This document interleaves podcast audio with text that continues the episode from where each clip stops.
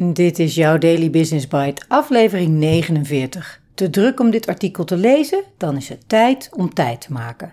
Door Elsmieke Land van Frank Watching op 1 juli 2022. En ik ben je host, Marja den Braber. Je luistert naar Daily Business Bites met Marja den Braber waarin ze voor jou de beste artikelen over persoonlijke ontwikkeling en ondernemen selecteert en voorleest.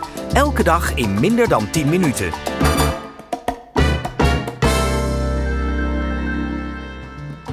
Dit is de podcast waarin ik jou, en eerlijk gezegd ook mijzelf, enkele van de beste artikelen en blogs op gebied van ondernemen en persoonlijke ontwikkeling voorlees. Elke dag. Op gebied van ondernemen en persoonlijke ontwikkeling worden oneindig veel artikelen geschreven. En wellicht ontvang je zelf ook wel elke dag artikelen in jouw inbox. Dus dank dat jij de moeite neemt om naar deze podcast te luisteren, om te groeien en jezelf te ontwikkelen. Laten we snel beginnen. De laatste tijd betrap ik mezelf vaak op gedachten als: na de verbouwing van de keuken heb ik weer meer tijd voor X. Of de komkommertijd komt eraan, dan is er weer meer ruimte voor ei. Maar stiekem weet ik ook wel dat dat een illusie is. Volgende week of maand ben ik weer druk met andere projecten. Net als iedereen eigenlijk, want we lijken met z'n allen wel drukker dan ooit. Postpandemie mag alles weer en lopen de agenda's tegen beter weten in weer net zo vol als ze twee jaar terug zaten. De productiviteit die op kantoor wat lager ligt dan thuis is weer even wennen. Om maar niet te beginnen over alle live events zoals office- en housewarmings, jubilea en huwelijksfeesten die, zo lijkt het, allemaal tegelijk moeten worden ingehaald. Druk, druk, druk. Ik merk het in mijn vriendenkring, in mijn zakelijke netwerk en ik zie de tendens online. De vraag hoe gaat het met je wordt weer steeds vaker beantwoord met druk, druk, druk, zowel op werkgebied als privé. Druk is nogal een cliché-antwoord, maar tegelijkertijd best bijzonder. Want gaat het dan eigenlijk goed of slecht? Druk zijn wordt vaak geïnterpreteerd als iets positiefs, maar is dat wel zo? En waar ligt de grens tussen prettig druk en te druk? Spoiler, dat verschilt natuurlijk per persoon.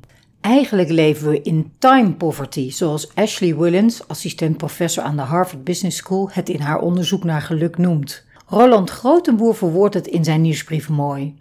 Tijd maakt gelukkiger. Tijdsarmoede trekt ons leeg en maakt ons ongelukkig omdat het voelt alsof we constant tijd tekort komen. Volgens het onderzoek van Willens zijn mensen gelukkiger als ze tijd prioriteit geven boven geld. Oftewel, geld maakt niet gelukkig, maar tijd wel. Tijd met je geliefde bijvoorbeeld.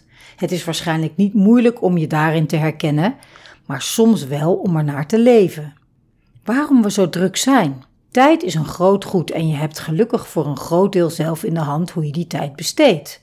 Maar hoewel minder druk zijn aantrekkelijk klinkt, krijgen we dat maar moeilijk voor elkaar. In de TED Talk The Real Reason You Feel So Busy and What to Do About It, die YouTube me onlangs onder mijn neus schoof, legt professor Dory Clark uit hoe dat komt. Want hoewel voor de hand ligt dat meetings en e-mails veel van onze tijd opslurpen, is er meer aan de hand. Volgens onderzoek van de Columbia University zijn er drie dieperliggende redenen waardoor we druk blijven, die interessant zijn om eens bij stil te staan. 1. We voelen ons belangrijk of gewild als we druk zijn. En dat gevoel is, hoe graag we ook willen, lastig om op te geven. 2. Het menselijk brein kan lastig met onzekere factoren omgaan. Clark geeft een voorbeeld. Stel je moet de sales met 30% verhogen, maar je hebt geen idee hoe je dat aanpakt. In plaats van de onzekerheid van het zoeken naar de juiste tactiek, neigen veel mensen ernaar om meer te doen van wat ze al deden, omdat dat makkelijker is en de onzekerheid wegneemt.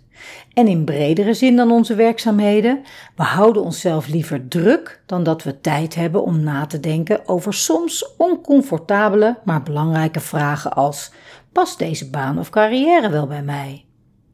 3. We gebruiken druk zijn om bepaalde dingen niet onder ogen hoeven te komen. Als voorbeeld noemt Clark het gemis van zijn overleden kat. We gebruiken ons werk als verdoving. Dus hoe kom je uit die natuurlijke neiging om altijd maar druk te zijn? Door eerlijk te kijken naar wat er achter die dagelijkse drukte schuil gaat en door eerlijk te zijn over wat ons motiveert, zodat we andere keuzes kunnen maken over hoe en met wie we onze tijd besteden, is Clarks advies. We need to recognize that real freedom is about creating the space so that we can breathe, the space so that we can think. Ultimately, real freedom is about choosing how and with whom we want to be spending our time. Dory Clark. Wat natuurlijk ook helpt, is minder willen of dingen uitzetten in de tijd. In dit Frank Watching artikel, de link staat in de show notes, over de eindigheid van onze tijd deelt Arjan Broeren daar mooie inzichten over, inclusief 10 tips om eens wat minder te doen. Wie weet inspireert het je om in de aanstaande komkommertijd de tijd te nemen om kritisch naar je agenda en de to-do-list te kijken. Waar ben je zo druk mee? Zijn er dingen die je anders aan kunt pakken? En ben je nog wel blij met wat je allemaal doet? Tijd om de regie weer in handen te nemen. Daily Business Bites met Marja Den Braber. Je luisterde naar Te druk om dit artikel te lezen, dan is het tijd om tijd te maken door Elze Land. Time poverty, tijdsarmoede, weer een nieuw en zeer interessant onderwerp dat ik tegenkom bij het maken van deze dagelijkse podcast. Elze Mieke reageerde snel en enthousiast toen ik haar toestemming vroeg om het artikel te gebruiken. Zoals aangenaam vaak gebeurt trouwens. Fred Rutgers, de auteur van een andere uh, aflevering, mailde mij. Als jij iedere dag iets nodig hebt, zul je in recordtempo honger krijgen naar content. Wie weet kan ik je daarbij helpen. Nou, echt wel. Maar ik houd van die honger en van de geweldige artikelen die ik tegenkom. Vaak weer met meer haakjes, zoals deze Amerikaanse assistant professor Ashley Willens en Ronald Groteboer, waarvan de link naar zijn site, die in het oorspronkelijke artikel staat, niet werkt. Ook dat is vaak weer een haakje. Ik ontdek zo nu en dan eens wat schrijffouten of zoals nu een niet werkende link. Anyway, wat tijdarmoede betreft, misschien probeer ik mijzelf en jou door bovenstaande zijpaadjes wel even af te leiden, want ik vind het best een pittig en confronterend onderwerp. Ik voel het en ik zie het, bij mezelf en ook bij de mensen om me heen. De andere verwijzing naar, naar een artikel van Arjan Broeren benadrukt die confrontatie ook nog eens. 4000 weken.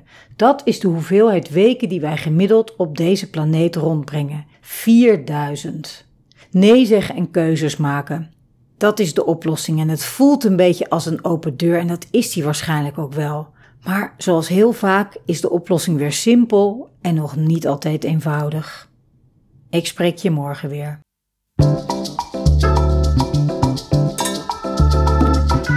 Dit was Daily Business Bites. Wil je vaker voorgelezen worden? Abonneer je dan op de podcast in je favoriete podcast-app. Meer weten? Klik op de links in de show notes.